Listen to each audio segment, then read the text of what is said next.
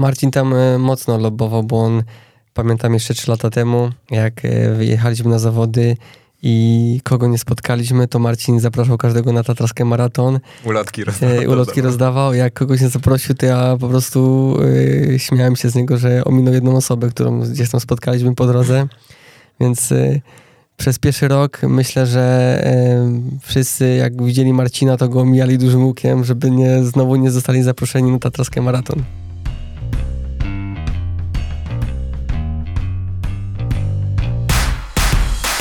Trening biegowy to skomplikowana układanka, w której każdy element wpływa na pozostałe.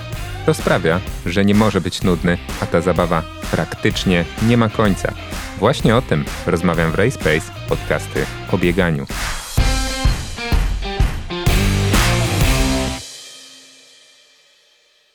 Maraton du Mont Blanc, Zegama, Sierra Zinal wraz z takimi klasykami trailu od tego roku jednym tchem będziemy mogli wymieniać Tatra Sky Marathon. Polski bieg dołącza do najbardziej prestiżowego cyklu Golden Trail Series, będącego odpowiednikiem, no nie wiem, lekkoatletycznej Diamentowej Ligi, piłkarskiej Ligi Mistrzów, tenisowego Wielkiego Szlema, koszykarskiej NBA. E, mógłbym generalnie tak e, wymieniać długo, ale chodzi o to, że po prostu w tym roku w Tatrach czeka nas e, poważne międzynarodowe bieganie. O tym, jak do tego doszło od kulis i czy będzie to katapulta dla poziomu oraz dla rozpoznawalności w ogóle e, biegów górskich jako dyscypliny w naszym kraju, w dzisiejszym odcinku RacePace podcasty o bieganiu porozmawiam chyba z najlepiej poinformowanymi w kraju osobami, e, bo będzie to Marcin Rzeszutko, czyli sam organizator biegu oraz również wielokrotny oczywiście uczestnik cyklu Golden Trail Series. E, jako zawodnik, oraz e, Bartek Przedwojewski, czyli mogę śmiało powiedzieć, że taki ambasador e, Polski w cyklu Golden Trail Series, zawodnik e, najbardziej utytułowany spośród naszych rodaków, któremu na pewno jako nacja zawdzięczamy tam sporo rozpoznawalności. Cześć panowie, witam was. Dziękujemy za zaproszenie i bardzo miło powitać wszystkich słuchaczy. Cześć, cześć. Bartek już chyba czwarty raz, o ile się e, nie mylę, e, się spotykamy z Marcinem też e, drugi, także wszyscy stali słuchacze na pewno dłuższego wstępu wasze osoby nie będą wymagały. Rozgrzejmy się może na początek, pogadajmy sobie o takich rzeczach ogólnych. Wiem, że wy intensywnie na Zuku spędziliście ten weekend, ja trochę mniej intensywnie przed telewizorem i komputerem, coś tam się poruszałem, ale patrząc w te monitory, najbardziej poruszyło mnie to, że duże tak naprawdę dzienniki ogólnosportowe, ogólnopolskie zaczęły znowu pokazywać sukcesy Roberta Karasia, czyli zawodnika, który zaliczył dopingową wpadkę, tak to się delikatnie nazywa. Ja jestem trochę, szczerze wam powiem, zniesmaczony tą sytuacją, że w taki bardzo neutralny sposób, a czasem nawet pozytywny, pokazuje się to, co robi teraz, pomimo, że tak naprawdę w tej głównej federacji ultratriatlonów e, ma tego dopingowego bana, ale gdzieś tam znalazł jakąś furtkę.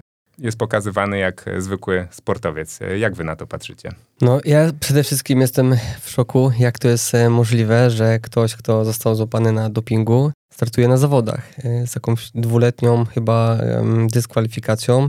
No nie mieści mi się to w głowie, jak ten system mm, można gdzieś tam oszukać, że pomimo dyskwalifikacji, przyznania się do zażywania substancji zakazanych pół roku później startuje się w zawodach i ogłasza się mm, mistrzem świata i, re, i rekordzistą tego świata, więc moja głowa nie jest w stanie przetworzyć w ogóle tego, co, co się dzieje i dla mnie to, to jest mm, bardzo niszczące sport. Myślę, że triathlon tutaj mm, cierpi niesamowicie na tym, co robi Robert, Robert Karaś. No, mam nadzieję, że, e, że to jakby ucichnie, umrze taką śmiercią naturalną, no bo bo i sport, i wszyscy sportowcy cierpią na tym, no bo wiadomo, każdemu zależy na tym, żeby ten sport był czysty.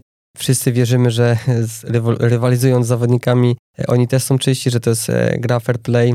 No, niektórzy tego nie stosują i też nie ponoszą potem e, konsekwencji, więc dla mnie to jest w ogóle jakaś niesamowita historia i mam nadzieję, że ona zostanie jakoś rozwiązana. Ja się tego mogę podpisać pod tym, co Bartek właśnie powiedział. Nadmienię tylko, że spotkałem się kiedyś z taką sytuacją, kiedy podczas Igrzysk Olimpijskich była dysk dyskwalifikacja e, polskiej zawodniczki i ona dostała później stypendium wizerunkowe e, na jednej z uczelni, no bo to właśnie trochę tak wygląda, nie? że jest taki, teraz nazywamy to tu clickbaitem i od pewnych czasopism, czy w zasadzie portali, takich, e, no nie takich e, plotkarskich, tak, tylko poważnych. Czy ja mówię konkretnie, ja powiem z nazwy, przegląd sportowy o tym pisze. Tak.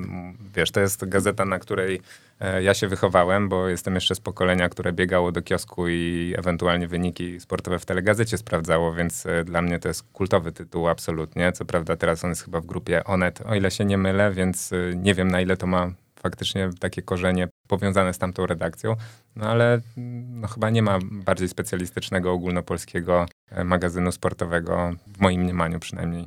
Znaczy jest to przede wszystkim słabe, tak, bo na tym, w tym wszystkim powinna nastąpić właśnie taka e, obstrukcja społeczna, czyli właśnie no, powinniśmy w jakiś sposób właśnie mm, no, odsunąć się od osoby, tak jak to robią właśnie sponsorzy i tak dalej. Kiedy widzę właśnie takiego zawodnika, jak Robert, który e, obrędowany startuje w takich zawodach, no to wydaje mi się, że nie ma z e, tytułu dyskwalifikacji większych konsekwencji, przynajmniej tak to wygląda z zewnątrz i no jest to po prostu słabe. Ty, Marcin, dużo w ogóle z młodzieżą pracujesz, pracowałeś, e, masz na pewno kontakt, więc masz też taki punkt widzenia pedagogiczny, wychowawczy. Zastanawia mnie, czy w Twojej ocenie reakcja takiego sportowca, który wpadł na dopingu, powinna mieć jakiekolwiek znaczenie e, względem dalszego postępowania oceny jego osoby?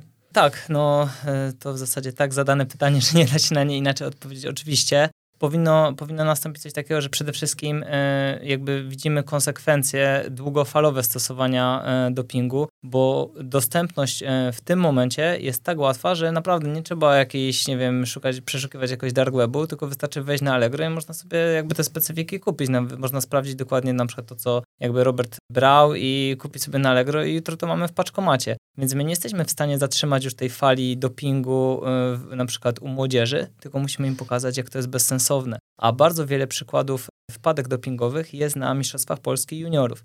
Sam e, pracując e, miałem takie sytuacje. W liczbie mnogiej, więc co już może być jakby zaskakujące, to bardzo często wiąże się z brakiem wiedzy, najczęściej się to bierze właśnie z brakiem wiedzy, ze złym zastosowaniem leków i wtedy jest jeszcze taka procedura, że to taką osobę można wyciągnąć, to znaczy wyedukować, pokazać jak to jest bezsensowne i wtedy długofalowo osiągamy ten efekt edukacyjny parę lat temu zmagaliśmy się e, z takimi instytutami, e, które sprzedawały e, taką usługę jak wlewy witaminowe. Nie wiem, czy to dalej funkcjonuje, czy nie, ale przynajmniej tak przygasło. No i uważam, że tego było pełno. Nawet to było gdzieś tam kojarzy na, na. I no, nie byliśmy w stanie tego zatrzymać inaczej, niż pokazując bezsensowność tego, bo wiele rzeczy właśnie zamiast przez wlew można było osiągnąć normalnie.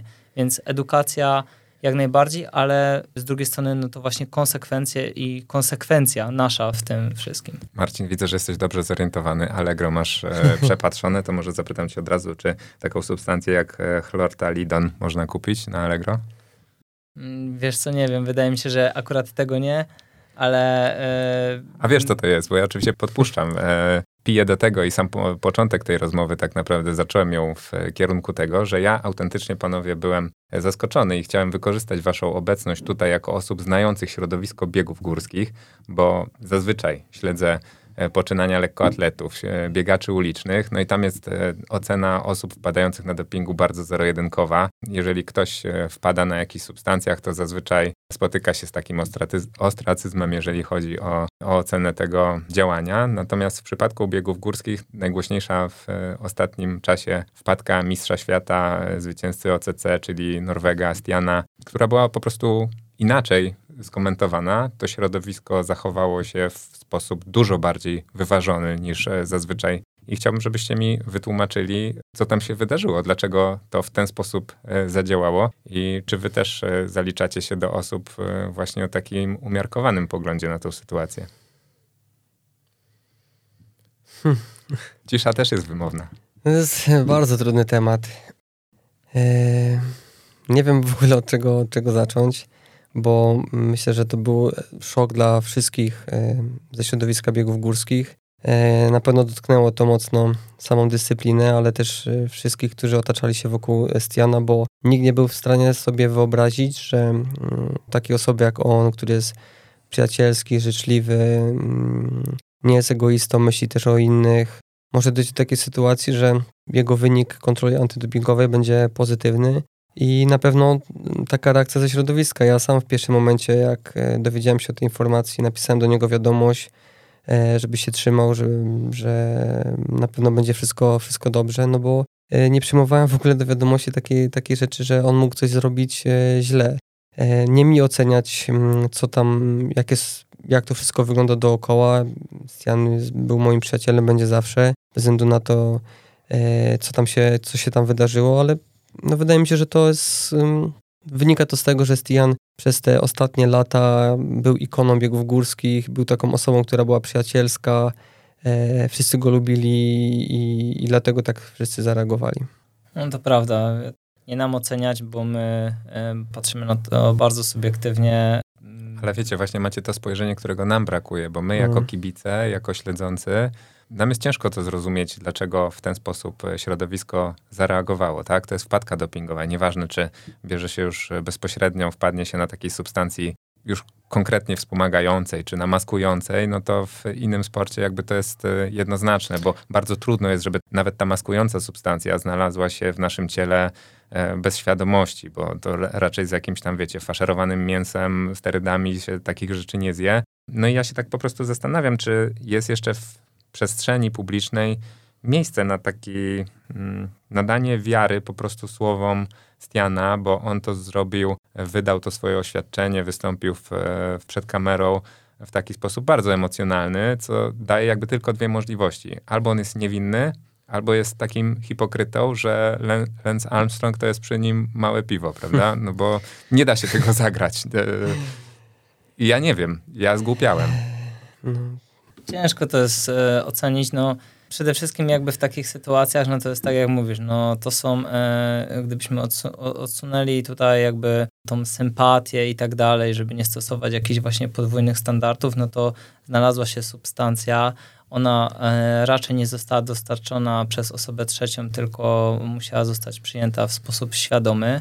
E, I teraz e, ta procedura wyjaśniająca będzie należała do Stiana. Jest kilka możliwości i oceniać będą to też eksperci, będzie oceniać komisja. E, zazwyczaj jest tak, że w takim właśnie historiach, o których tutaj opowiadasz, aczkolwiek to zależy właśnie od tego, jak będzie ta procedura e, teraz e, kontynuowana jeśli e, historia, którą Stian przedstawi, będzie e, nieprawdziwa, to ta światowa agencja antydopingowa może nałożyć e, większą karę i od tego tu będzie zależało, więc wydaje mi się, że tam nie ma już możliwości jakiejś po prostu kombinacji, tylko on musi wiedzieć, kiedy coś mogło być zanieczyszczone, w jaki sposób ta substancja się mogła dostać, jeśli taka osoba właśnie pomaga jakby tej agencji antydopingowej w uzyskaniu tej informacji, no to wtedy ta dyskwalifikacja e, może zostać skrócona. Natomiast w mojej ocenie ona już pozostanie, będzie ewentualnie jakaś tam krótsza. Mi się bardzo podoba to, co właśnie też e, Bartek powiedział, że przede wszystkim napisał jak do przyjaciela, że trzyma kciuki, że wszystko będzie dobrze, Wydaje mi się, że to jest takie wsparcie, którego każdy z nas by potrzebował. Niekoniecznie robienie na tym kontentu i y, jakiś takich test o czystości sportu i dopingu, że nie wiem, sprawdzamy wszystkie leki, że nikt z nas niczego nie stosował, no bo dla mnie to jest taki trochę po prostu bullshit, a w tym wszystkim to jest właśnie też kumpel, któremu w jakiś sposób trzeba pomóc i ogarnąć go takim wsparciem. Zastanawiam się, słuchając was, e, nie będę wpuszczał was, wiecie, w takie pytania, czy wierzycie, czy nie wierzycie, bo sam jako przyjaciel takiej osoby nie chciałbym takiego pytania usłyszeć. Natomiast e, zastanawiam się, czy poza tymi wszelkimi negatywnymi konsekwencjami, szukając pozytywów, bo nie chcę też, żeby nasza rozmowa poszła tutaj w jakieś, wiecie, e, marudzenie i utyskiwanie, zastanawiam się, czy przekornie tak trochę, ta sytuacja nie jest tak naprawdę najlepszym papierkiem lakmusowym, który pokazuje, e, jak dynamicznie biegi górskie idą w stronę profesjonalizacji, no bo to też nie pierwsza taka sytuacja w e, ostatnim czasie. Ta konkurencyjność e, wzrasta i być może to jest po prostu taki, wiecie, jakiś tam sygnał tego. E, no, czy wpadki antydopingowe mogą powiedzieć o dyscyplinie, że idzie to w, w dobrą stronę i w stronę profesjonalizmu? Trudno w stronę mi... konkurencyjności, stronę może tego słowa powinienem okay, użyć, no to, byłoby bardziej odpowiednie. Masz rację. E, no, wiesz, w jaki sposób, no, no oczywiście tak, no bo to też jest jakby takie, e, taka teza, z którą trudno się gdzieś tam nie, nie zgodzić. Na pewno e, każda taka wpadka to jest cios dla e, w ogóle dla sportu w całości, ale też jakiejś tam pojedynczej dyscyplinie. Tutaj też jest bardzo istotne to, że wiele e, federacji stara się wprowadzić ten czysty sport w dyscyplinach masowych bo mm, doping taki stosowany właśnie taki na co dzień, on się, on się bardzo często zdarza.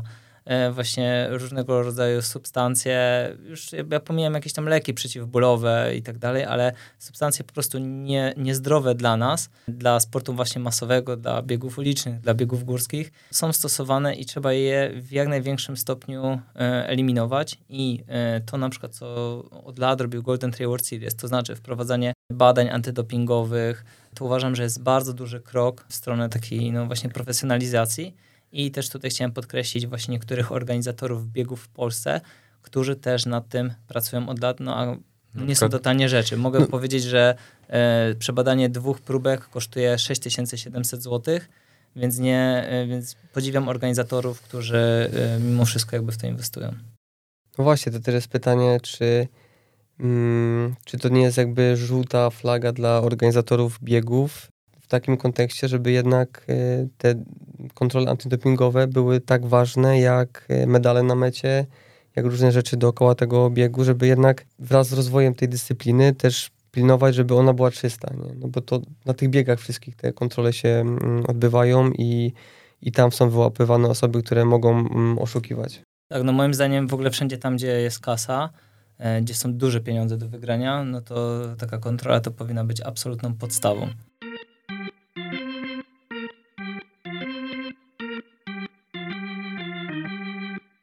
Jesteście już trochę czasu w tym sporcie. Pewnie bardzo dobrze obserwujecie to, te zmiany, bo to jest tak naprawdę szereg zmian, o których mówimy, idących w stronę profesjonalizacji, idących w stronę pieniędzy, które tak naprawdę pokazują też różne pęknięcia z czasem w tym sporcie, no bo to nie, jest, nie są tylko historie dopingowe, ale też e, są historie takich praktyk e, nie do końca ok, które na przykład wypłynęły przy tej korespondencji Kiliana, który, który pisał o niewłaściwym postępowaniu największego festiwalu UTMB. I zastanawiam się, czy znając i pamiętając dobrze, tak jak wy, jeszcze tę właśnie tą rywalizację opartą na takim kumpelstwie, bo to, to widać e, od zawsze, że, że to jest takie środowisko bardzo mocno scementowane. Czy tak po ludzku nie macie czasami takiego, takiego wiecie, trochę żalu, że to już tak idzie w tą stronę, że już wjechaliście z tą dyscypliną na taką autostradę, z której e, no już chyba nie ma odwrotu i okej, okay, jest na jednej szali kasa, no bo wiadomo, e, będzie łatwiej e, wszystkim żyć z tego sportu, wam, zawodnikom, mediom i tak dalej, ale z drugiej strony to coś już tracicie chyba jakoś tak nieuchronnie, tak? To, to się zaczyna kurczyć wszystko. To... Hmm. Ja w sumie mogę, mam największe doświadczenie tutaj, jeżeli chodzi o imprezy międzynarodowe, bo od 2018 roku jestem w cyklu Golden Trail World Series i od tamtego momentu mm, do, do zeszłego roku rywalizuję praktycznie z, z tymi samymi osobami. Jakby podejście zawodników za bardzo się nie zmieniło. Podejście do siebie nawzajem, do, do rywalizacji, do podnoszenia poziomu sportowego. Wszyscy myślą o tym, żeby na każdym biegu pobiec jak najlepiej, dać najlepszy performance i wiedzą, że rywalizują ze swoimi kumplami, więc Wydaje mi się, że tutaj nastawienie zawodników e, za bardzo się nie zmieniło. Otoczka do tego cały czas e, rośnie, czyli media, mm, wideo, e, transmisja live. To powoduje, że, że ta dyscyplina się bardzo mocno rozwi 6 rozwija. milionów osób podobno oglądało w ostatni finał Goldena, także no, to już są naprawdę tak, tak. super I, liczby. I właśnie teraz dało mi to do myślenia, bo tak zastanawiam się, jak, jak, jak to wyglądało właśnie w 2018 roku i porównuję to do zeszłego mm, finału, czy do zeszłorocznych biegów i jakby zawodnicy się w ogóle nie zmienili. To jest to samo podejście. Chcę dać dobry bieg, dobry performance, jak najlepiej chcę wypaść na, na biegu, nie interesuje mnie. No dobra, wy jesteście starą gwardią, ale czy przychodzą tacy zawodnicy, którzy już na przykład mniej się z wami integrują i oni już e, ci nowi przychodzą i są ewidentnie nastawieni, żeby zarobić tam, tak, e, pobiec, ale już nie, nie są konkretnie tak zainteresowani tym, żeby się z wami tak mocno zaprzyjaźnić, żeby wejść mocno w to środowisko, przyjeżdżają, robią robotę i jadą do siebie? Oni na, na pewno czują dy, pewien dystans do, do, do zawodników. Widać e, w, nich tą ambicję i chęć pokonania każdego z nas. I to też każdego z nas motywuje do tego, że, żeby dać troszeczkę więcej, bo e, tych zawodników pojawia się e, większa grupa. ale każdy z zawodników elity jest bardzo otwarty, wyciąga rękę i, i jakby troszeczkę mm, skraca ten dystans do, do innych. Mm, no bo my też jesteśmy świadomi tego, że im więcej dobrych zawodników, tym lepsze widowisko, tym większa widoczność, większa widoczność marki i to wszystko rozwija tą dyscyplinę, więc myślę, że nie ma tutaj takiego jakby podziału, każdy mm, jest otwarty i nawet czasami no, pokazuje tym młodym, że, że jest też przestrzeń dla nich, tylko no, muszą trochę bardziej się postarać na tej szali właśnie takiej romantyzmu, powiedzmy trochę komercji, gdzie zderzają się te dwa światy, czy trudne są takie sytuacje personalnie dla was, e, dla zawodników, kiedy e, musicie wybierać między udziałem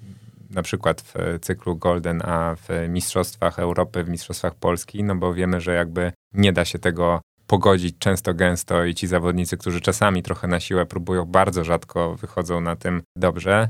I zastanawia mnie tu, szczególnie pod twoim kątem Bartek, bo to już też e, gdzieś tam padało, czy taka decyzja jest dla ciebie bardzo trudna, czy ona się wiąże z tym, że ty przed sezonem naprawdę sporo się zastanawiasz i nie wiem, masz nieprzespane noce myśląc o tym, czy, czy to jest dla ciebie prosty wybór? Dla mnie to jest e, prosty wybór. wybór.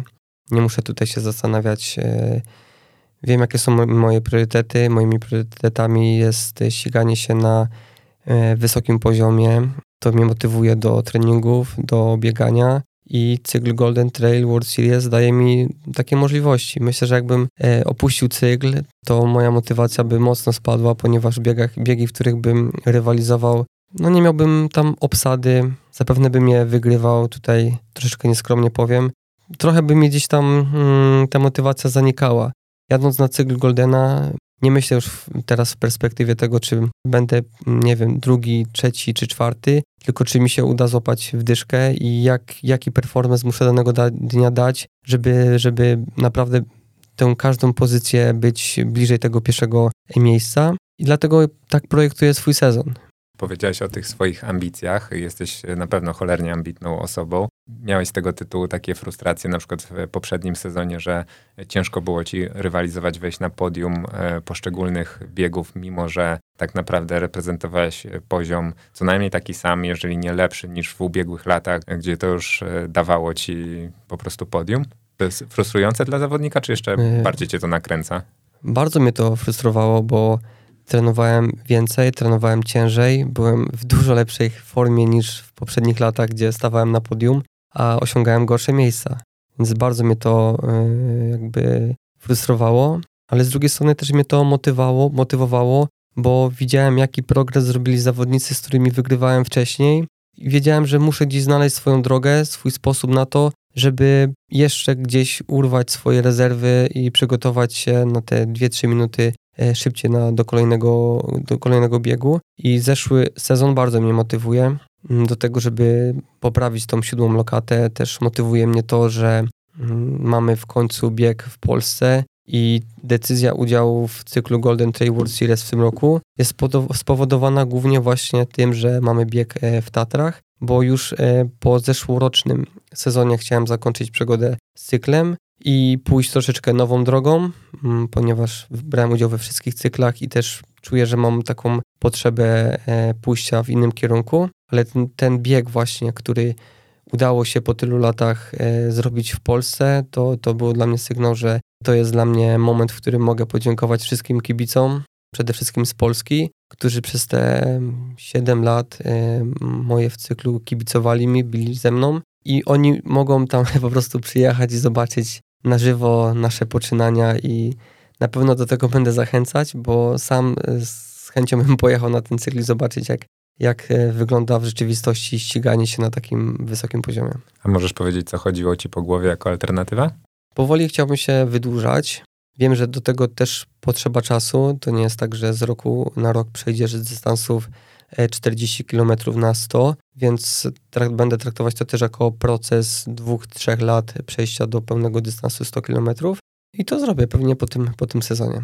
Bartkowi tego pytania nie zadam, ale ty Marcin chyba będziesz lepszym e, adresatem, bo jakby zauważalne jest to, że ława polskich zawodników, e, którzy zaczynają startować na zawodach międzynarodowych i coś na nich y, znaczyć, chcieć coś więcej niż tylko wystąpić, robi się coraz szersza. To jest na pewno też efekt właśnie i syndromu Bartka, który, który ciągnął to przez y, długi czas. Y, no i wydaje mi się, że popularyzacji całej dyscypliny. Chociażby no, w ten weekend mieliśmy Andrzeja Witka, mieliśmy Kasię Solińską na Trans Gran Canaria, super występy, także, także coraz więcej słychać o Polakach za granicą. Ale pamiętam, jak rozmawiałem z Kasią tutaj w podcaście, ona mówiła, że ona jeszcze się zdarza być tak mocno onieśmieloną, jeżeli chodzi o e, nazwiska tych zawodników, postaci, z którymi staje na linii startu. E, zastanawia mnie, czy wy już, e, ty Marcin, masz ten etap za sobą, czy w ogóle jak patrzysz na starcie swoim kolegom, innym zawodnikom z Polski głęboko w oczy, to widzisz, że oni tam już tak przyjeżdżają bardziej pewni siebie, czy jeszcze trochę tak mentalnie e, musimy lekcji odrobić. Tutaj jest kilka rzeczy, o których e, wspomniałeś e, w tym pytaniu, więc pierwsza rzecz to jest na pewno świetne zjawisko, że coraz więcej osób z Polski startuje w biegach światowego formatu, tak? Czy my się tutaj skupiamy na serii Golden Trail World Series, e, natomiast e, to jest też e, skyrunning, spora grupa osób jeździ, jeździła na przykład w zeszłym roku i widać było, że to już jest coraz bardziej cyklicznie. To wszystko jest niesamowity rozwój. Tak jak w zeszłym roku byliśmy też ekipą na maratonie du Mont Blanc. Naprawdę świetna sprawa. Tylu Polaków, co startowało na maratonie du Mont Blanc, głównie pod kątem ekipy męskiej, bo akurat kobiet polskich kobiet w Goldenie startuje bardzo mało. W zasadzie w zeszłym roku e, jedyny e, występ to e, Miśki Witowski, natomiast no, rewelacyjny, najlepszy. Ale szkoda, e, że nie było, e, nie było więcej. Wie, że więcej pań nie, nie startowało e, poza właśnie Miśką, Kasią Wilk jeszcze jakimiś, przepraszam, bo tak nie pamiętam wszystkich nazwisk, takimi pojedynczymi strzałami, tak? Ale to nie jest taka, taka cykliczność. Więc e, to jest jakby jedna sprawa. A druga sprawa pod kątem tego onieśmielenia, to myślę, że każdy z nas chce się zaprezentować jak najlepiej. I na trasie walczy z danymi e, osobami, chce, e, chce mieć po prostu jak najlepszy performance, ale chce się z tymi osobami wygrać, jak one mają dobry bieg. Bo gorsze biegi zdarzają się wszystkim. W zeszłym roku Eluzin wygrał finał. Ja z Eluzinem wygrałem parę razy ale nigdy nie wygrałem z nim po walce. Zawsze, kiedy on miał właśnie słabszy dzień i nie mam żadnej satysfakcji z, takie, e, z takiego bez, zwycięstwa w bezpośrednim starcie. Nie, no, no wiesz, no jak e, ktoś po prostu, e, nie wiem, naprawdę pada, że za chwilę zejdzie z trasy. Myślę, że ci, myślę, że nawet szkoda takiego zawodnika, jak szkoda, na niego tak. patrzysz, mijając go. Ale czasem jest tak, że tego nie widać tak naprawdę, bo, bo jeśli ktoś zejdzie z trasy, no to już jakby widać, okej, okay, dobra, zszedł z trasy, już koniec. Ale czasem po prostu ktoś ma gorszy dzień i na Goldenie jak masz gorszy dzień, to po prostu na nim nie istniejesz, więc y, wtedy też no, nie chcesz, y, nie, nie czuć takiej po prostu satysfakcji. Myślę, że patrzy się głównie całościowo na, y, na, na całe wyniki i pod tym kątem się analizuje, więc... Bardziej mi chodzi o to, czy mm, nasi, czy nastąpiła taka zmiana pokoleń, to by było za dużo powiedziane, ale jak na przykład e, słucha się rozmów z jakimiś sportowcami z lat 90., 2000, którzy wyjeżdżali za granicę, no to oni często mieli taki kompleks trochę e, z uwagi na to, że metody szkoleniowe, jakiś sprzęt e, często w zachodniej Europie był lepszy. Oni czasami też robili taką trochę aurę wokół tego, a wcale tam aż tak dużo lepszych rzeczy nie było. I zastanawiam mnie, czy jak patrzycie, nie wiem, na swojego teamowego kolegę z młodszego Marcina Kubice, który jest e, super e, jakby takim prospektem i bardzo dużo tutaj osób e, trzyma za niego kciuki. On już parę razy pokazał takie przebłyski, że, że naprawdę mógłby tam stać go na bardzo dużo. I czy on właśnie na przykład jest takim przedstawicielem już takiego pokolenia, które wiecie, wchodzi jak po swoje i nie ma takich tego typu kompleksów, nie? Takich trochę może narodowych, tak bym to nazwał. Znaczy moim zdaniem Marcin, Michał Durczak, e, Jasiek Elandkowski, czyli takie młode osoby, Kuba, ba, e, Kuba Bachleda, Księdzulosz, e, młode osoby startujące w zeszłym roku e, naprawdę na bardzo fajnym poziomie e, w cyklach e, Goldena, Skyrunningu i tak dalej, to powiedziałbym, że wszyscy wchodzą bez kompleksów. Chyba, okay. chyba nie zauważyłem takiej osoby, która, która tak właśnie z jakimś takim wycofaniem. No i oczywiście Patrycja Stany, która rewelacyjnie zaprezentowała się na Mistrzostwach Świata, e, przepraszam, Mistrzostwach Świata, bo Mistrzostwach Europy Skyrunning. kurczę, debiut i od razu trzecie miejsce.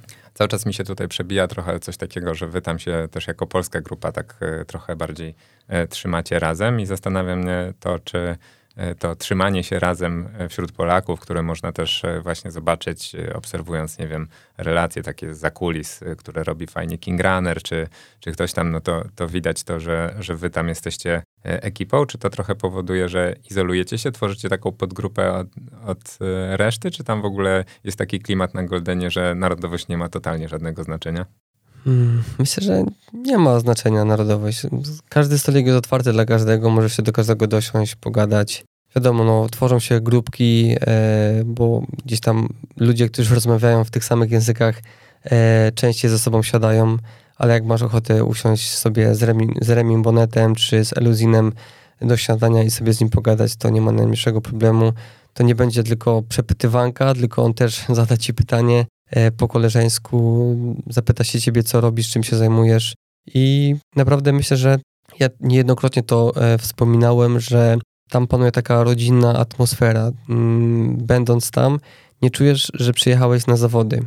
Widać to napięcie gdzieś tam po niektórych zawodnikach, po tym, że jednak to, to są te zawody, ale generalnie jest tak spokojnie, rodzinnie, jest taka przyjemna ta atmosfera, nie czuć takiego napięcia, które można ciąć e, nożem. I wydaje mi się, że to właśnie osobom, które przyjeżdżają, e, są nowi, przyjeżdżają do cyklu, oni to widzą i też myślę, że przez to one nie czują takiego dystansu, takiego nie stresują się tymi zawodami i też mogą e, lepiej się zaprezentować.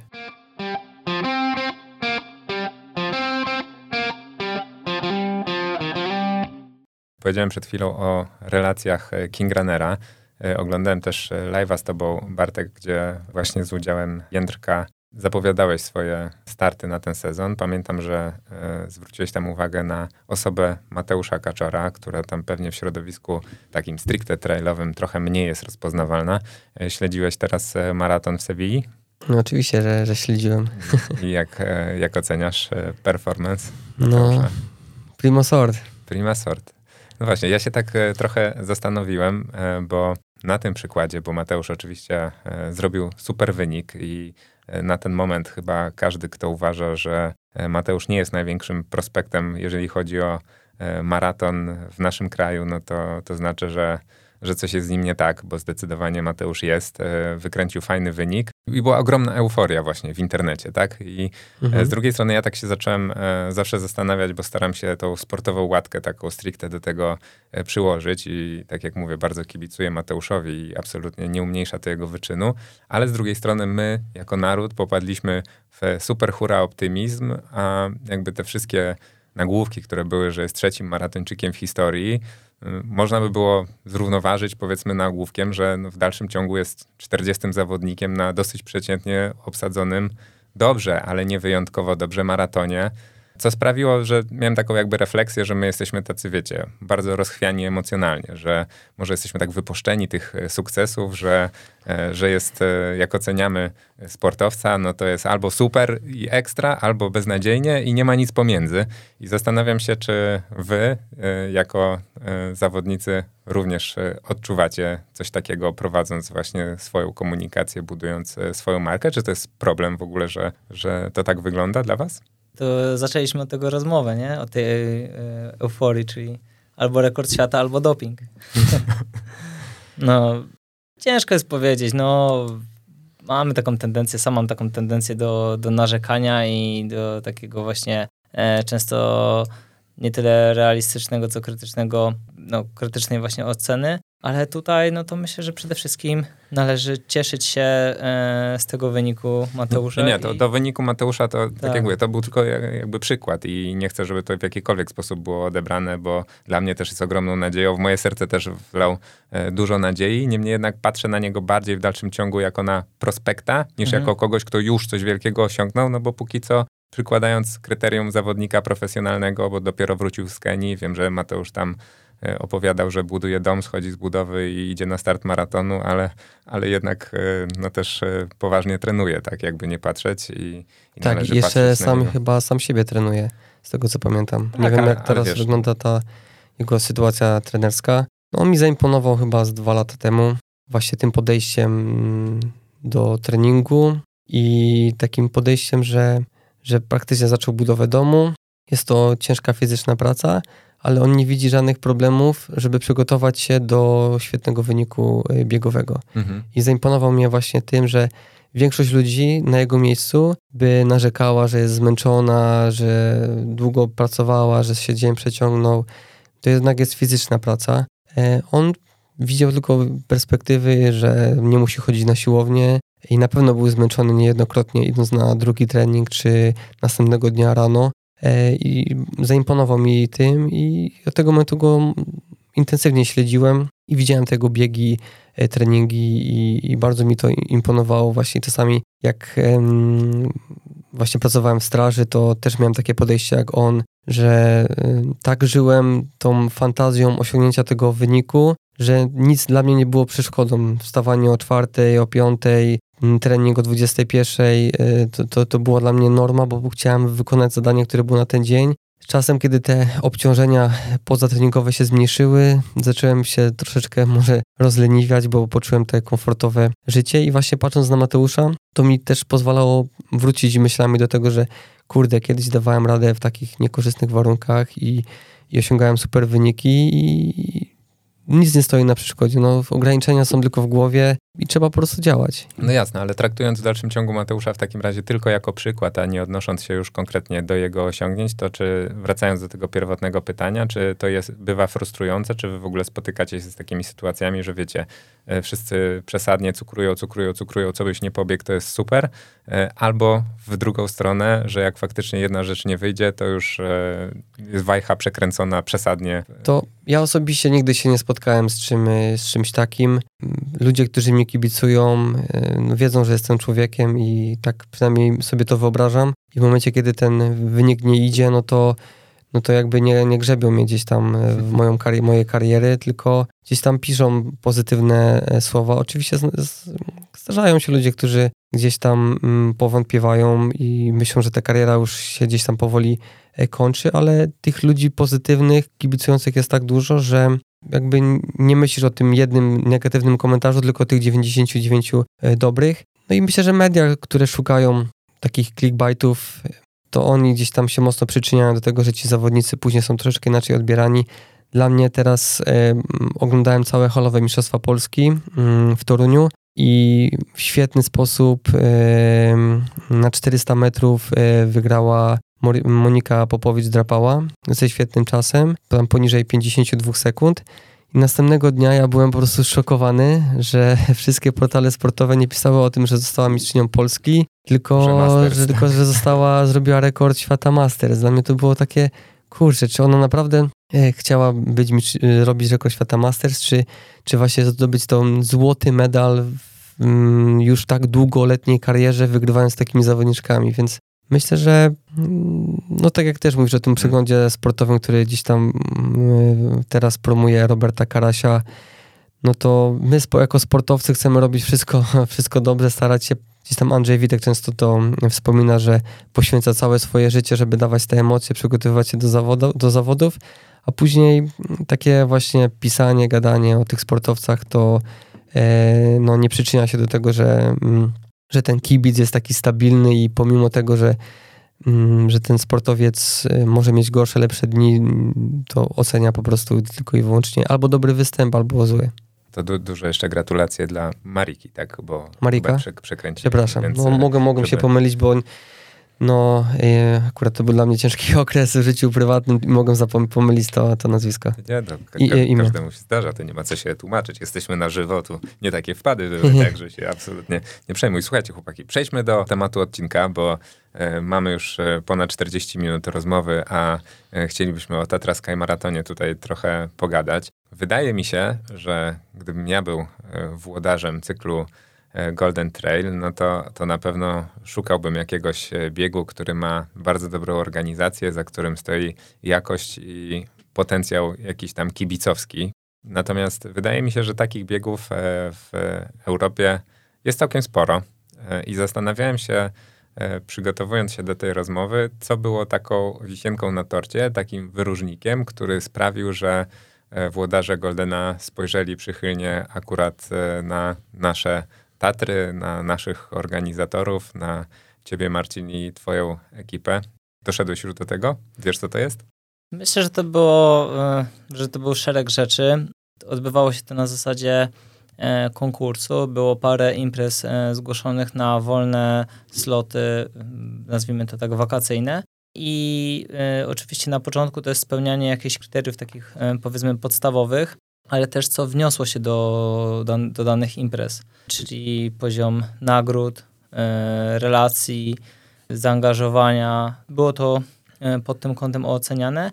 Ale, na, ale na sztywno była jakaś taka punktacja, bo tak jak o tym mówisz, to, to mi się mm, tak od razu wyobraża coś takiego, bo wiesz, ostatnio e, Mistrzostwa Polski w półmaratonie, jak były przyznawane przez naszą tu centralę lekkoatletyczną, no to jakby ktoś tam drążył po, po tej nieudanej organizacji, na jakich zasadach to było przyznawane, to gdzieś tam padło takie stwierdzenie, że po prostu z organizatorem e, dobrze się gadało. My też nie spotykamy się pierwszy raz, nam się dobrze gada, z tobą się na pewno e, super dobrze gada, ale czy e, właśnie te kryteria, o których mówisz, to był taki konkurs, wiesz, z punktacją i tak dalej za poszczególne rzeczy, czy jednak też trochę uznaniowości tam było w twojej ocenie?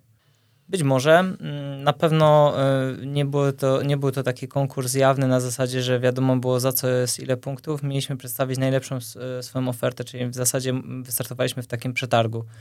E, z mojej strony mogę powiedzieć, że będziemy elastyczni pod kątem terminu, że postaram się w TPN-ie pod tym kątem właśnie być e, elastycznym, to, to raz.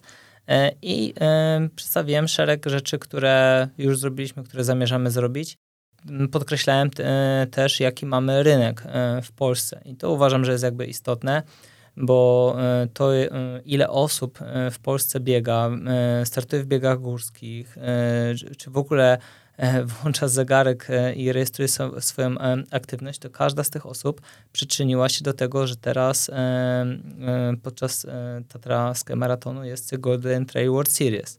Gdyby nie zaangażowanie nas wszystkich, no to po prostu tego by nie było. Oczywiście później e, były rozmowy już takie bardziej e, konkretne, co musimy spełniać, jakie, jakie rzeczy na pewno gdzieś tam trzeba podciągnąć i mam Były nadzieję... jakieś wąskie gardła? Co było? No na pewno jest, e, jest kilka takich elementów. Mm, my nie mamy takiego poziomu finansowania jak, jak większe festiwale albo takie rozgrywane przez dłuższy czas wiele, wiele rzeczy pod kątem pozyskiwania sponsorów to, e, to robiły jedna albo dwie osoby.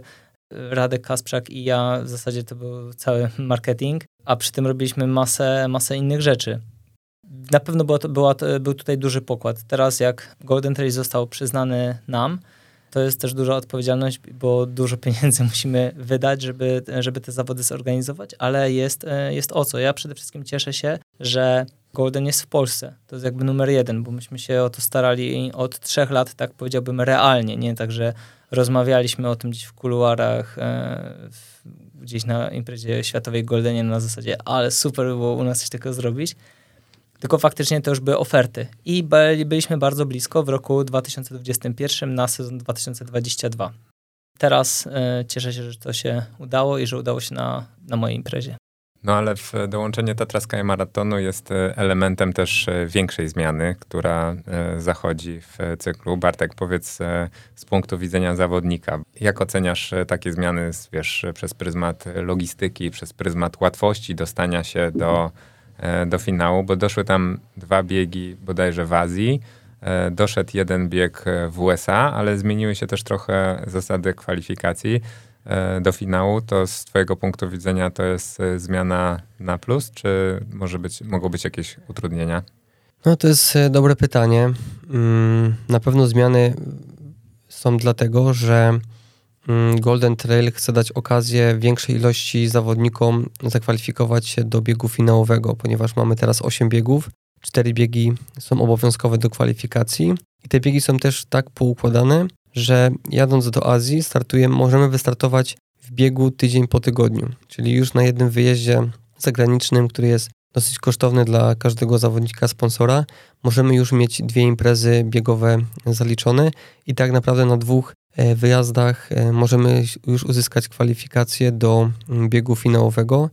Z mojej perspektywy układania kalendarza sportowego jakby to nie ma znaczenia, ponieważ mm, bez problemu te cztery biegi mogę zmieścić bez jakichś mm, takich intensywności nawet, żeby te starty były tydzień po tygodniu, więc dla mnie jakby to jest e, dobre rozwiązanie, ponieważ od każdego biegu mam praktycznie mm, od 3 do 5 tygodni przerwy, więc to jest czas na dobrą regenerację i e, takie bezpośrednie przygotowanie do startu.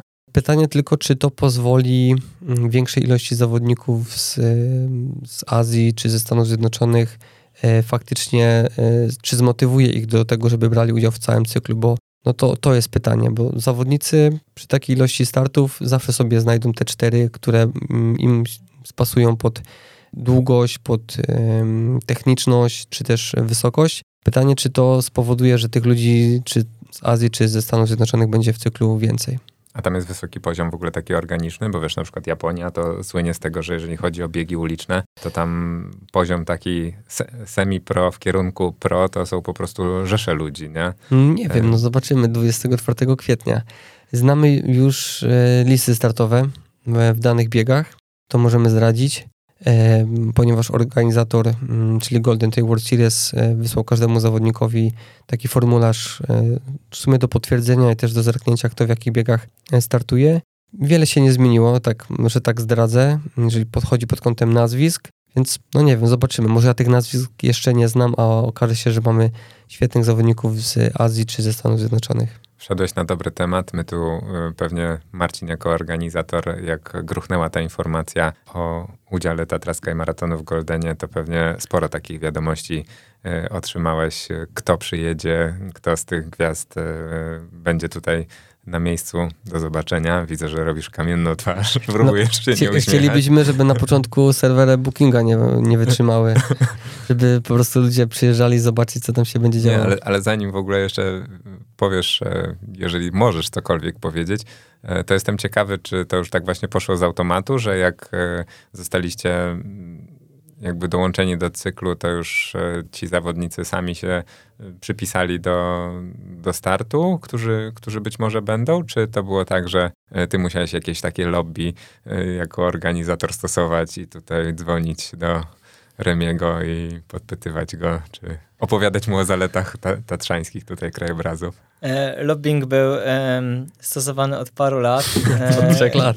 O, głównie na finale Goldena. E, w zasadzie już e, w 2021 roku, e, kiedy wtedy się staraliśmy i były próbne grafiki, no, próbne grafiki, właściwie tam było wpisane Tatraska Maraton, to ludzie się cieszyli, stali, kibicowali, bili brawo. To było, myślę, że mogę tak powiedzieć, w naszym imieniu dla mnie i dla Bartka duże takie przeżycie, bo pomyśleliśmy, przynajmniej ja sobie też tak pomyślałem, wow, e, tak byliśmy postrzegani trochę jak e, taki wschód, bo no nie wiem, mówiono do nas na początku po rosyjsku, bo nie, nie rozróżniano tego języka, e, a teraz no to jest już naprawdę jesteśmy tak traktowani, faktycznie każdy, każdy wie, gdzie jest, e, gdzie jest Polska na mapie. No może tutaj jakby tak e, upraszczam, ale, ale tak, jest na pewno dużo bardziej jakby poważnie gdzieś tam zostaliśmy tutaj no. jakby potraktowani. Nie? Marcin tam e, mocno lobował, bo on, pamiętam jeszcze trzy lata temu, jak e, wyjechaliśmy na zawody i kogo nie spotkaliśmy, to Marcin zapraszał każdego na Tatraskę Maraton. Ulotki rozdawał. E, ulotki rozdawał. Jak kogoś nie zaprosił, to ja po prostu y, śmiałem się z niego, że ominął jedną osobę, którą gdzieś tam spotkaliśmy po drodze. Więc y, przez pierwszy rok myślę, że e, wszyscy jak widzieli Marcina, to go omijali dużym łukiem, żeby nie, znowu nie zostali zaproszeni na Tatraskę Maraton. Ale cel zrealizował, tak? tak Patron zyskał. Myślę, myślę, że mogli mnie, mieć mnie dość, więc e, tak jak w treningu zastosowałem dużą objętość, a później odpuściłem. Tak, tak. Ja nie wiem, jak tam dyrektor właśnie, Greg Wolet, wytrzymał e, spanie w jednym apartamencie z Marcinem e, w, na wyspie El Hierro, bo tam myślę, że były chyba naj, najmocniejsze negocjacje. Tak, tak, no sporo, sporo gdzieś tam rozmawialiśmy. E, natomiast e, wracając jakby do tej listy startowej, to e, w skrócie mogę powiedzieć tak, Alfabetycznie że, możesz nazwiska wymieniać. Alfabetycznie, no to e, na pewno jeśli chodzi o, e, o elitę taką międzynarodową e, męską, Bartek już tutaj powiedział, że, że wystartuje, ale będzie między innymi Remi Bonnet, Eluzin, Manuel Melilas. Manuel, tak, będzie, będzie, będzie powiedzmy taka... E, Zlatan Ibrahimowicz, a nie, nie. nie. Na tym nie widziałem większych nazwisk, które odpuściłyby ten bieg u kobiet i Sofia, Laukli, mm, Flora, Florina Madelina. Madalina. Skuteczność 100%. Dużo, Jak dużo... ktoś mi będzie wisiał kasę, to zadzwonię do ciebie, żeby, dużo, żebyś go też wymęczył. Dużo, dużo osób, e, nie, nie, nie widziałem na przykład czegoś takiego, że e, ok, tydzień wcześniej jest e, Sierzinal, to startujemy tam, no bo, no bo to jest Sierzinal, tak? Któraś dziesiąta edycja, chyba, nie wiem teraz nawet, nawet która, czy chyba pięćdziesiąta, no a później piąta edycja Tatraska Maratonu, no to odpuszczamy, tak? No bo na pewno dużo osób na, na to patrzy w ten sposób. To jest jednak tydzień wcześniej dwie, e, godziny, trzy godziny naprawdę szybkiego biegania. Natomiast cieszę się, że dużo osób chce do Polski y, przyjechać. W ogóle cała ekipa będzie tutaj przez tydzień, bo będą od niedzieli, więc y, mamy nadzieję ten czas dobrze, dobrze wykorzystać. Wybaczcie małą przerwę w rozmowie, ale chciałem króciutko, lecz intensywnie podziękować osobom wspierającym ten podcast. Być może zastanawiacie się, co właściwie daje mi takie wsparcie. Już wyjaśniam. Moim założeniem jest przekazywanie Wam rzetelnych treści zgodnych z wiedzą specjalistów. Chcę również mieć swobodę wypowiedzi, aby być z Wami szczery i móc opisywać biegową rzeczywistość dokładnie tak, jak ją widzę. Te wartości nie zawsze idą jednak w parze z pozyskiwaniem komercyjnych partnerów. Dzięki Waszej pomocy łatwiej jest mi działać na swoich zasadach. Wierzę, że to wsparcie wraca do Was w postaci uczciwych treści i wszyscy, jako biegacze, na tym korzystamy. Nie ukrywam też, że tej pomocy przydałoby mi się w tym momencie więcej, aby móc kupić sobie więcej czasu i możliwości na zaopiekowanie podcastu. Jeżeli chcesz mi pomóc, to dołącz do grona patronów. Dziękuję za zaufanie i zapraszam na dalszy ciąg rozmowy. Jak sobie myślę o polskich kibicach w ogóle, no to my jesteśmy takim narodem mocno spontanicznym, fajnie się mobilizującym do jakichś takich różnych zrywów. A jak sobie myślę o Goldenie i szukam takich najbardziej epickich, kibicowskich motywów, no to oczywiście nie jestem tu żadnym wyjątkiem. Zagama staje mi e, przed oczami i e, to, co tam się dzieje, jakie są szanse tutaj na e, powtórzenie takiego zjawiska, czy nasza właśnie słowiańska dusza tutaj, słowiańskie dusze pomogą w tym, jak ty jako organizator na to patrzysz? Jesteśmy w stanie osiągnąć coś takiego jak na Zagamie, albo nawet lepiej. Chociażby z tego powodu, że tego dnia w tych dolinach jest około 10 tysięcy osób w każdej z nich. To raz. E, oczywiście to są turyści, ale to mogą być kibice. Zależy jak pokażemy im biegi górskie, jak zaktywizujemy ich do tego. Mamy do tego zrobiony właśnie pewien e, szereg działań. E, to jest, e, żeby zaangażować takie osoby, które wtedy pierwszy raz e, spotkają się z biegami górskimi podczas drugiej edycji Tatrackiego Maratonu, kiedy robiłem takie ankiety w Dolinie Kościeliskiej, 11% osób widziało wcześniej biegaczy górskich, a dla 89 byli, oni widzieli ich pierwszy raz w życiu, tak? Więc e, no, na pewno będziemy musieli robić jakby takich szereg aktywizacji, żeby zachęcić ludzi do kibicowania w dolinach, to raz.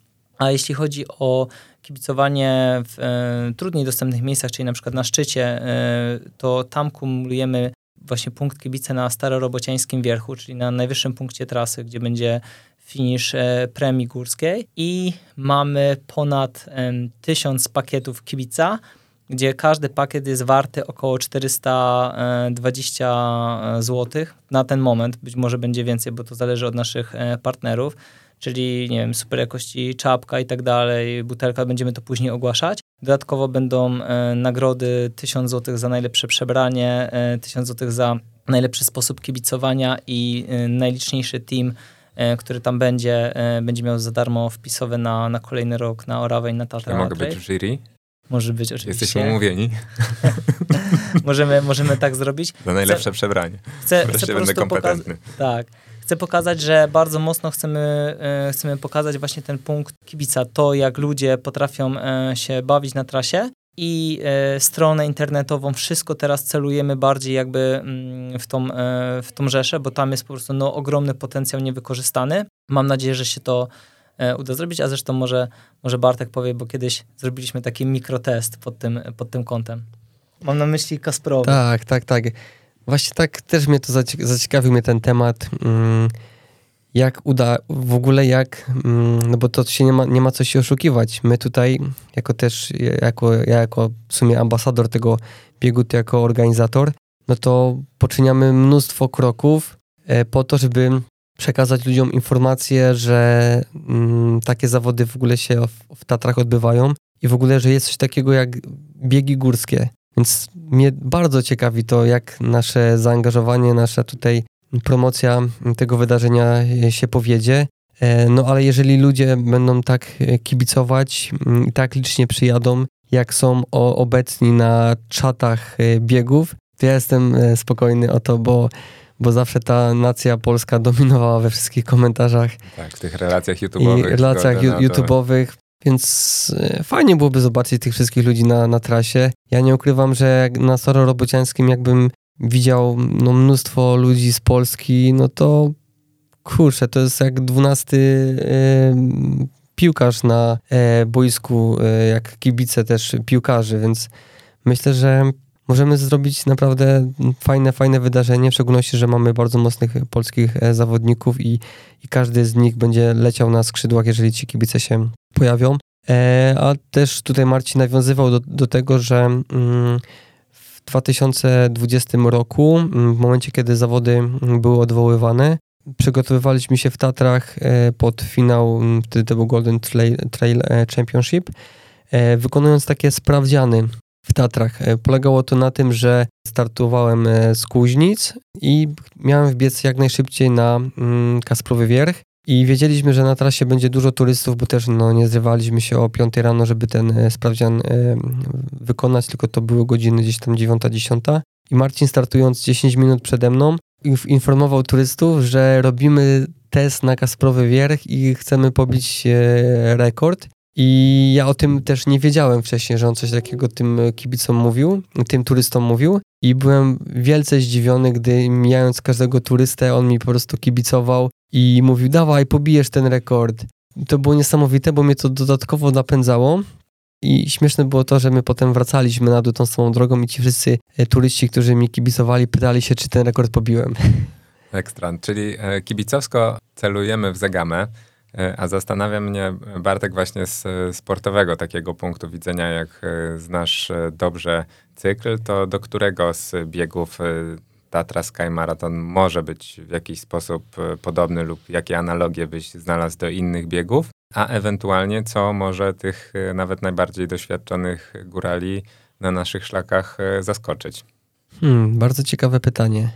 Ciężko porównywać e, biegi do siebie, no bo każdy, każdy się trochę od siebie różni. No, na, Tat na Tatraskie Maraton będziemy mieli bardzo szybkie 4 km na początku, i później vertical w dół, w górę i w dół. Mm, myślę, że blisko będzie mm, gdzieś tam to, e, to Kanazej, czyli Dolomicka Sky Race, ponieważ mamy bieg do góry i w dół, też trasa trochę trudniejsza przy zbieganiu, więc myślę, że byłoby mi to najbliżej właśnie e, tych zawodów. Okay, a co może zaskoczyć w Tatrach? Mam nadzieję, że kibice.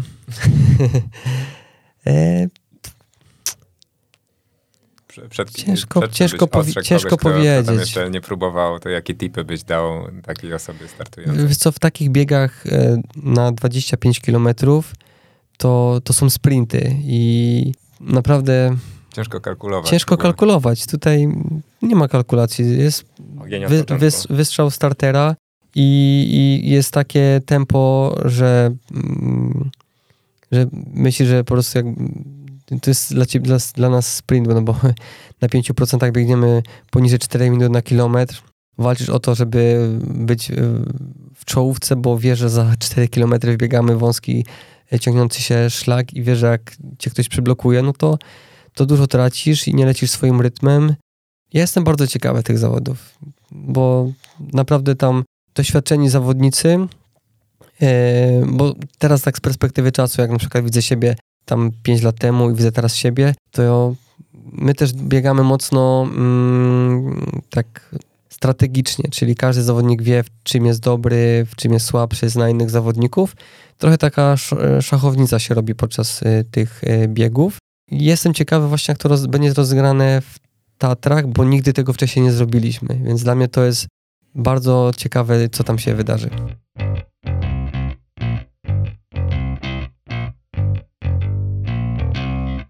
Tradycją e, wielu biegów, e, w tym też e, części z Goldena są te słynne już afterparty. Tam podobno też niektórzy nie kalkulują i dobrze się bawią. Zasięgnąłem języka, że nasza ekipa tutaj z Polski też potrafi się dobrze bawić. Komu zawdzięczamy taką dobrą prasę, jeżeli chodzi o to, kto tam pierwszy się wyrywa na parkiet zazwyczaj? Ja myślę, że Jędrek. Nie. nie wiem, czy dobrze, że to mówisz. Bo więcej z nami nie pojedzie. I co teraz? No nie no, on jest, Może go puszczą. On jest e, ambasadorem na pewno, ale tutaj e, wspominałem w zeszłym roku e, Kuba w twoim podcaście, ale myślę, że to jest jakby dobry moment, żeby wspomnieć, może tak zabrzmiało faktycznie trochę imprezowo, ale ekipa King Runnera jest e, bardzo mocnym ambasadorem i myślę, że no, powinniśmy e, im podziękować, że dzięki ich e, pracy, zaangażowaniu na imprezach, na których byliśmy, ale też na tych, na których nie byliśmy, no to oni przyczynili się do tego właśnie, że, że Golden Trail World Series jest w Polsce. Czy ty jako organizator planujesz kultywować tę tradycję, czy no Właśnie, będzie, będzie impreza będzie u ciebie, czy nie będzie? U ciebie, a jeżeli będzie, to czy to, to będzie góralska nie kapela, tematu. Czy, czy DJ Rzeszut będzie? E... na e, słuchajcie, no e, będą, e, będą oscypki na pewno, to, to mogę wam powiedzieć. E, impreza będzie. E, w zeszłym roku zrobiliśmy after, który bardzo fajnie wyszedł może się trochę na nim za mało pobawiłem, bo było dużo jeszcze gdzieś tam spotkań i, i dla mnie jakby after to da, dalej cały czas była kontynuacja imprezy i dociąganie jakichś tam kolejnych etap, e, rzeczy, chociażby na przykład właśnie, że tam tych oscypków gdzieś tam brakowało i trzeba było gdzieś tam donieść czy kogoś tam zorganizować, e, ale uważam, że to jest jakby ważny element każdej, każdej imprezy. Pod kątem głównie integracji wolontariuszy, ekipy y, wspierającej zawody, zawodników oczywiście też. My mieliśmy w zeszłym roku e, after, e, no i w, może nie jest to jakieś tam super istotne, ale był be, bezalkoholowy i była naprawdę super impreza. To jest też takie budowanie społeczności. Byliśmy teraz e, na Zuku, o którym wspomnieliśmy na początku podcastu i tak jak e, dziewczyny e, zorganizowały, właśnie zbudowały tą społeczność, no to jest coś nie, niesamowitego. I myślę, że głównie dlatego ludzie przyjeżdżają na tego Zuka. Myśmy na, na zakończeniu spotkali osoby, które widać, że nie, nie mają wiele wspólnego z biegami górskimi, ale e, atmosfera Zuka e, ich przyciąga. E, przyciąga ich do e, przyjechania jako zawodnik, jako e, kibic, jako wolontariusz, czy jako fotograf, no bo sporo fotografów było, tak powiedzmy, tam spo, e, społecznie. Więc tak, więc after na pewno u nas będzie. E, zapraszam, e, zapraszam wszystkich, bo będzie otwarty, także będzie można sobie poprzywijać piątki z zawodnikami. Chyba wszystkie atuty już wymieniliśmy i sportowo, i kibicowsko, i jeżeli chodzi o party, także czujemy się chyba wszyscy namówieni. Ja... No, biegacze górscy bardzo lubią e, takie przebierane imprezy, w szczególności na koniec sezonu. Często się to po, powtarza. Ja akurat na finale w zeszłym roku byłem Forestem Gumpem. Są zdjęcia? Oczywiście, że tak. No to, to jest zakończenie sezonu. Wszyscy razem jeździliśmy, podróżowaliśmy, rywalizowaliśmy i na koniec to jest taka, e, taki fajny moment odreagowania, więc fajnie to właśnie też zrobić w taki luźny sposób, że każdy się przebiera e, i to zawsze fajnie wychodzi. Ja bym jeszcze chciał tylko e, tutaj dodać, że bardzo liczymy na to i super by było, żeby E, żeby przyjechali wszyscy biegacze, tak? Czyli niezależnie od tego, czy startujesz w tych zawodach, e, czy, czy miałeś szczęście w losowaniu, albo czy, czy jesteś po jakichś innych zawodach. Nikt nie zorganizuje tego dopingu lepiej niż my. Nie możemy liczyć na to, że e, magicznie nagle nam się pojawi na przykład, nie wiem, jakieś rzesze kibiców, turystów, Sami musimy to zorganizować, dlatego no, zachęcam Was wszystkich, którzy będziecie po jakichś imprezach albo przed jakimiś imprezami, może przed festiwalem UTMB, przyjedźcie i, i przyjdźcie, przyjdźcie na trasę, no i na, na ten wspomniany after. Jakieś mam takie bardzo głębokie nie wiem, czy to ono jest czymkolwiek uzasadnione, ale poczucie, że tak się właśnie wydarzy. I to mówię tak, wiecie, w 100% z wątroby i szczerze mam wrażenie, że my mamy taką społeczność e, mocno scementowaną i że to właśnie w ten sposób wypali. E, fajnie, żeby e, żeby tak było. Panowie, tutaj nam, nie wiem czy dociera to do słuchaczy, ale już taki mały after tutaj za drzwiami nam się e, powoli szykuje, bo zjeżdża się cała ekipa Salomona, z którą jeszcze tutaj będziemy na różne tematy rozmawiać. Ja jeszcze na sam koniec muszę was zapytać o Aspekt coś, coś spor- kontrowersyjnego? Nie, o aspekt taki sportowy, no bo widzę, że Marcinowi świeci się oko cały czas, jak mówi o tej organizacji, o tych kibicach, o tym party, ale sportowo chyba, Marcin, jeszcze nie przechodzisz na drugą stronę rzeki, nie? Nie, nie, oczywiście nie przechodzę. Nie będziesz działaczem? E... nie będę działaczem, e, chociaż e, sporo rzeczy od, od paru lat e, robię, więc na pewno będę chciał to jakoś rozwijać, tak, no bo rozwój biegów górskich, czy w ogóle wiele, wiele rzeczy, których się podejmowałem od pracy z młodzieżą i, i sukcesami, które tam przyszły, nie miałem jeszcze żadnej rzeczy w życiu, taka, która przyszła jakby sama z siebie. Wszystko, na wszystko trzeba było zapracować, i tak samo będzie właśnie teraz. No, my też często tak właśnie oczekujemy na zasadzie to, co powiedziałem wcześniej, że a dobra, może się tam tak stanie. Yy, nawet wspomnieliśmy o tym wyniku w maratonie Mateusza, no ale bez wyników 2.9 nie będzie wyników 2.6, bo nie będzie miał z kim trenować. I to wszystko ciągnie dalej. No bez, bez Bartka, bez wielu osób nie mielibyśmy takiego składu na Goldenie, czasami trzech Polaków e, w top 10 albo trzech, e, trzech Polaków e, w top 20 więc e, no naprawdę drobnymi krokami, ale takimi ciągłymi buduje się jakby dużą skuteczność. No tak jak zresztą myślę, że sam Kuba możesz to potwierdzić, no bo widzisz to w treningu. Mm, o moim treningu to lepiej nie będę mówił, natomiast e, zastanawiam mnie, czy wiesz, czy w tym po prostu organizacyjnym całym zamieszaniu znajdziesz jeszcze przestrzeń na to właśnie, żeby mocno potrenować, nie? Czy ten sezon tak e, chcesz trochę bardziej zluzować przynajmniej w tym okresie Tatra Sky Maratonu, bo mi się wydaje, nie wiem jaką tam macie szeroką ekipę, ale tak jak przed chwilą gdzieś tam się przebijało, jak mówiłeś, że e, marketingiem się zajmowałeś tylko e, w dwie osoby, tak i tak dalej, i tak dalej. Podejrzewam, że takich przestrzeni było e, dużo więcej, którymi musiałeś się sam zajmować, no to po prostu ciężko te puzelki połączyć, no? No tak, teraz ekipa się rozrosła i współpracujemy w gronie kilkunastu osób, między, y, no, sporo, sporo osób e, pomaga przy tej organizacji. Czyli potrenujesz. W tym, e, w tym moi rodzice, którym jestem bardzo, bardzo wdzięczny za, e, za masę pomocy, którą... Family business. Family business, dokładnie. pod kątem właśnie tutaj tej imprezy. No ale jest tak jak mówisz, ja odpuszczam całe lato pod kątem startów, bo chcę się skupić na przygotowaniu Tatraskę Maratonu na miejscu, na spokojnym treningu na miejscu, E, dopilnowaniem e, spraw, bo bardzo wiele jest takich właśnie takich miejscowych, ale początek sezonu na pewno będę chciał się zaprezentować z jak najlepszej strony, czyli starty na Goldenie w Azji, Zegama i Maraton du Mont Blanc mhm. i potem sobie właśnie robię przerwę i tak samo po, po Tatrarskim Maratonie, tak żeby odpocząć i przygotować się na, na finał Goldena. Oczywiście początek, jak się tak ustala kalendarz, no to tak jak patrzymy na Tatraskie Maraton, to a tydzień wcześniej jest chudy, a tydzień później jest e, OCC czy CCC e, i może, e, może na przykład na chudego to, to może by się dało połączyć, to też jest do, dość blisko mnie, ale przede wszystkim jakby głównym celem na ten rok to jest organizacja, też z tego powodu, że ta impreza będzie podlegała ocenie. I jeśli dobrze się zaprezentujemy jako społeczność cała, to my będziemy mieć te zawody w kolejnych latach. No i myślę, że zdecydowanie jest o co powalczyć.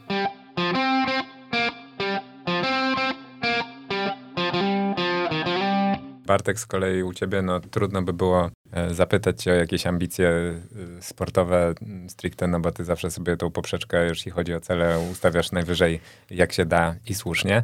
E, więc zapytałbym się w, może w taki sposób, bo może to rzuci jakieś nowe światło, bo jakby we wszystkich poprzednich latach, jeżeli chodzi o biegi górskie w Polsce, byłeś tak jakby jednym tchem wymieniany jako najlepszy polski biegacz górski. W zeszłym sezonie wyrósł ci tutaj na naszym gruncie bardzo mocny konkurent w postaci Andrzeja Witka i na przykład w tej mojej sądzie tutaj takiej podcastowej w komentarzach, jak, e, jak prosiłem o opinię słuchaczy, no to Andrzej e, wybił się na pierwsze miejsce, jeżeli chodzi o, osiąg o osiągnięcia za poprzedni rok. Czyli Andrzej zaczepia cię, jeżeli chodzi o aspekty sportowe, również czasami słownie, tak e, w fajny sposób, taki pozytywny mam wrażenie. I zastanawia mnie to, czy na Twoim poziomie, na tym, na którym jesteś sportowo, to jest jakakolwiek dodatkowa motywacja, powoduje to jakiś taki e, dodatkowy czynnik do jeszcze bardziej wytężonej pracy, czy another day at the office? No to jednak ty lubisz te kontrowersyjne pytania. Co tym Wiesz, kiedy wbić e, szpilkę. To jeżeli chodzi o jakby taki poziom sportowy, no wiadomo, mnie cieszy to, jak czuję oddech e, mm, zawodników, rywali na plecach, bo ja lubię ci, e, czuć takie ciśnienie, lubię czuć, że, że grunt pod moimi stopami nie jest e, twardy, tylko e, muszę iść w którymś kierunku, żeby on się nie, nie zawalił, więc cieszy mnie to, że, że takie osoby się pojawiają, bo nawet teraz startując na zimowym ultramaratonie karkonoskim e, przybiegłem mm, 16 sekund przed drugim e, zawodnikiem mm, Dominikiem Milewskim, który pozytywnie mnie zaskoczył i musiałem bardzo się na, e, na, namęczyć i musiałem bardzo dużo serca na tym biegu zostawić, żeby wygrać te zawody, więc to też mi daje do myślenia, że jest kolejna osoba, mm, ale wróciłem z tych zawodów pobudowany, że kurczę, jest faktycznie ta osoba, która pokazuje mi, że e, jednak, jednak nie, nie, nie mogę czuć się tak bezpieczny na, na polskim e, podwórku. Natomiast no, nie podobają mi się trochę te zaczepki Andrzeja. Mm, przede wszystkim to takie budowanie mm, otoczki wokół zeszłorocznego biegu e, na festiwalu UTMB OCC, który było mm, kreowanie takiej walki pomiędzy Andrzejem Witkiem i Bartkiem Przedwojewskim właśnie z jego strony, ponieważ ja zacząłem zauważać, mm, że to mm, te społeczeństwo biegów górskich zaczęło tworzyć takie dwa obozy. Obóz e, Bartka Przedwojewskiego i obóz Andrzeja Witka i to wcześniej robił Marcin Świerc, właśnie mm, tworzył takie grupy, dzielił to społeczeństwo, e, żeby oni kibicowali tylko jemu i nie innym zawodnikom. Ja bardzo długo walczyłem z tym, żeby czegoś takiego nie było, żebyśmy ci, żebyśmy zawodnikami jeździli na obozy, razem trenowali, jeździli razem na, na, na wszystkie wyjazdy. I trochę poczułem, że, że Andrzej zaczyna robić coś, coś podobnego i, i bardziej to mnie martwi, żeby to nie poszło w, w takim kierunku, bo, bo zawodnicy zaraz przestaną ze sobą trenować, wyjeżdżać, e, to społeczeństwo zacznie się dzielić na kibiców Bartka Przedwiejskiego i kibiców e, Andrzeja Witka i nagle mm, zamiast stworzyć coś wspólnie, będziemy tworzyć kilka obozów i, i będziemy się bić na Facebooku, kto był lepszym sportowcem, zamiast pomyśleć sobie w ten sposób, że e, że mamy takich, takich zawodników, takiej, takiej ilości i, i świetnie, że oni są, bo dzięki temu mamy tyle możliwości do kibicowania i wspierania. Też tak na to, Marcin, patrzysz, jak obserwujesz to z boku? Bo ja na przykład jestem zaskoczony tym, że Bartek powiedział, że się tak polaryzujemy jako kibice, bo ja na te, e, wiesz, jako kibic sportu ogólnie i dla samego dobra dyscypliny, na takie rzeczy robione w kulturalny oczywiście sposób, bo e, znam Bartka, znam e, Andrzeja, wiem, że to są osoby na poziomie kulturalne, które nie, nie schodzą poniżej pewnej e, klasy i, i, i lubią się też e, po prostu po ludzku. To mam wrażenie, że to tak nawet pozytywnie wpływa, że jeden kibic czy drugi będzie bardziej ściskał kciuki za jednego dla, za drugiego, no bo na tym polega sport trochę, tak? E, wybieramy sobie idoli i kibicujemy im, jednemu trochę bardziej, drugiemu trochę mniej i dopóki to się trzyma w takich fajnych ramach kulturalnych i nie wiąże się z tym, że nie wiem, jak lubię jednego, to to od razu muszę nie lubić drugiego. Mogę lubić oczywiście, obu, a jednemu oczywiście. bardziej kibicować i to Wiesz, jest wtedy okej. Okay. Mi zapala się też um, tutaj żółta światka, e, żółta lampka przy, um, przy tym, co się dzieje, ponieważ Wchodząc w biegi górskie, e, no wszedłem z przytupem i, i widziałem to właśnie, jak to środowisko za, zaczęło być strasznie e, dzielone. Widziałem te komentarze, które były okropne na, na Facebooku i ludzie, ludzie zaczęli się po prostu też no, hejtować. Mhm. Kibice pomiędzy sobą na, na, na Facebooku i to było dla mnie przerażające, że, że my jako biegacze zamiast się łączyć, kumplować, razem trenować ze sobą i dzięki temu podnosić poziom sportowy, to my idziemy w takim, zamiast skupiać się na, na sobie, na treningu, to my skupiamy się na tym, żeby komuś coś dowalić, z kimś e, wygrać na jakimś biegu. E, rozpraszaliśmy się tym bardzo. i mi się po prostu zapala żółta świat, lampka, czy, czy coś takiego e, się zaraz nie rozpędzi właśnie tymi pstryczkami Andrzeja w moim kierunku, czy moimi w, kierunku Andrzeja, czy to się nie rozpędzi do czegoś takiego, że za pół roku będziemy e, się omijać szerokim łukiem i też e, kibice zaczną łapać pomiędzy sobą dystans, bo Andrzej coś powie, ja coś powiem i, i, i zamiast skupiać się na tym, że żeby e, zapraszać... Nie, no, chyba, zapraszać... chyba nie jesteście politykami, żeby tak mocno spo, Są, spolaryzować. Nie wiem, no jesteśmy ludzi, jesteśmy ludźmi, no wiesz, może mi w końcu e, może w końcu się wkurzę na tyle, że powiem coś za dużo i, i też e, urażę swoich jakby odbiorców, bo nie, wydaje mi się, że jestem w miarę, w miarę spo, nie, spoko nie osobą. Ale mówię to o tym, bo mam takie po prostu przemyślenia mhm. i, i, i uważam, że ta otoczka właśnie tego OCC na przykład w zeszłym roku, no to pokazało, że to było totalnie bez sensu, mhm. bo nakręcanie czegoś przez pół roku yy, i, potem ja schodzę, Andrzej jest 18, no to, to po prostu mhm. to sami sobie, że tak powiem, wbiliśmy gwoździe w plecy. Nie? I, I to też jest jakby już czerwona flaga do tego, żeby może z tego zrezygnować, a pojechać razem na trening na Ślęże i zrobić dobrą jednostkę, która pozwoli mi być na, nie wiem, na drugiej pozycji, a Andrzejowi na pierwszej. Jasne. Marcin, e, bo nie odpowiedziałeś, widzisz to z boku będąc w środowisku, że, że taka polaryzacja następuje? E, nie widzę tego, że w tym momencie e, to następuje, ale na pewno to było i mieliśmy kilka totalnie bezsensownych konfliktów, mhm. o których tutaj Bartek wspomniał. I to nawet nie były, że to były dwa obozy, to było kilka takich podgrup. Parę osób było do tego wciąganych, chcąc, nie chcąc, też na przykład Bartek Gorczyca. Mhm. I generalnie nikomu się to nie przysłużyło, a, jeśli, a na pewno nie dyscyplinie.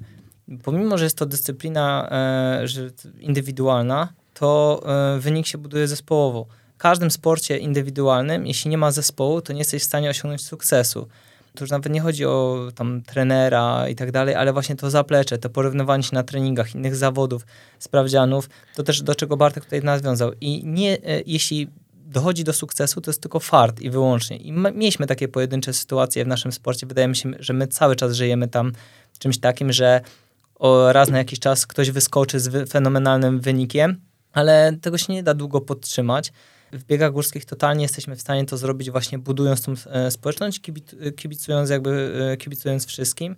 Prawdę mówiąc, wolałbym, e, żeby ktoś mi sprzedał łokcie na trasie, albo sam bym wolał komu, kogoś uderzyć, ale przybić z, przybić z nim piątkę na mecie albo na afterze i się dogadać, niż tak jedno robić, drugie mówić na przykład czy w mediach, czy w podcastach i to jest takie, taki dziwny taki smród ciągnący się na przykład przez miesiąc czy przez trzy miesiące, a tak na dobrą sprawę o co? W ogóle czy na przykład wspomniane tutaj OCC, czy to są jakieś mistrzostwa Polski na, e, e na OCC? Czy nam za, już, już nie wiem, już dzieliliśmy medale na UTMB, teraz jakoś na OCC, no dajmy sobie po prostu spokój. Chodzi o to, żeby był jeden właśnie jak najlepszy wynik, ale fajnie by było, żeby, nie wiem, druga osoba była w top 3 czy w top 10, no dajmy sobie po prostu trochę tak e, więcej luzu. Wiadomo, rywalizacja, jasne, jak najbardziej, e, natomiast no jakby e, tak, żeby to według mnie było takie po prostu bardziej konkretnie, tak, że i wtedy to, wtedy to buduje, być może e, przez to, że pod tym kątem jesteśmy, e, startujemy w tym, w tym cyklu i w zasadzie mhm. W biegach górskich gdzieś tam od paru lat i e, jak zaczynaliśmy, to były, e, były takie właśnie dziwne, niezrozumiałe dla nas rzeczy i, i się nawet tak dziwiliśmy no to no nie ma co po prostu w to dalej wchodzić. Myślę, że w ogóle generalnie czas pokaże, jak to się samo rozwiąże.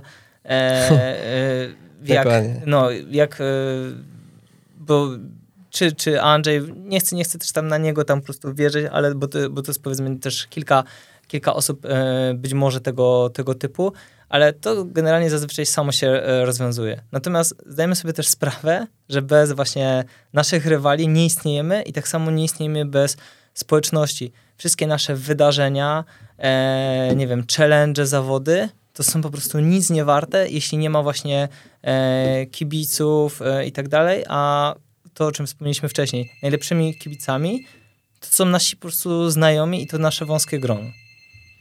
Wow, ale e, rzuciłem tutaj mm, ten zapałkę na... Jednak lubisz te kontrowersyjne tematy, no ale... Nie, wiesz co, właśnie nie, nie chciałbym, żeby to zabrzmiało tak, że ja na przykład nakręcam, że pytam Andrzeja o ciebie albo ciebie o Andrzeja.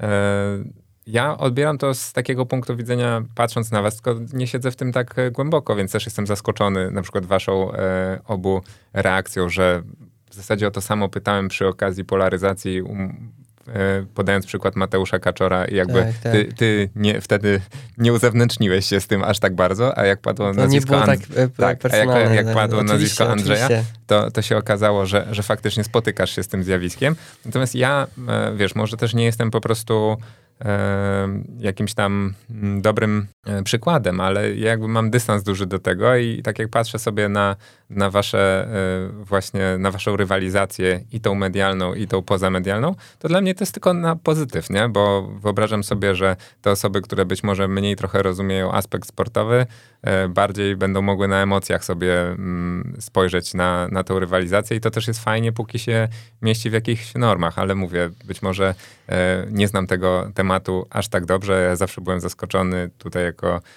warszawiak z, z urodzenia od dziecka chodziłem, interesowałem się piłką nożną i byłem bardzo zaskoczony, że będąc na przykład mając e, karnet na stadion Legii, nie mogę sobie kupić e, karnetu na stadion Polonii, bo ja chciałem chodzić na oba kluby, bo mnie piłka interesowała i zależy jaki był rywal, tak? To, że lubię jedną drużynę nie znaczyło, że mam nienawidzić drugiej od razu, tak? Może mogę mniej ją lubić, ale jak będzie miała ciekawego rywala, to też chętnie pójdę i zobaczę. A tak trochę mamy to w czasami wdrukowane, że musimy się utożsamiać i jak lubimy jednych, to, to drudzy muszą być e, ci źli. No ale apelujemy w każdym razie chyba tutaj we Nie, trzech wywie, wszyscy, Wywieszamy e, tak, białe flagi i jak siedzimy, żeby idziemy robić, do przodu. Żeby kibicować z głową, a przede wszystkim kibicować e, wszystkim polskim zawodnikom, no i rozwojowi e, dyscypliny. Chyba tutaj nam wyszło w tej rozmowie, że Tatra Sky Marathon może być takim przełomem, jeżeli chodzi o to, co się u nas dzieje. Mam nadzieję, że z większością słuchaczy widzimy się w sierpniu w Tatrach coraz więcej się dzieje za drzwiami, więc y, kończymy i lecimy tam do ekipy. Dzięki serdeczne panowie za dziś. Dzięki za rozmowę. Dzięki. Cześć.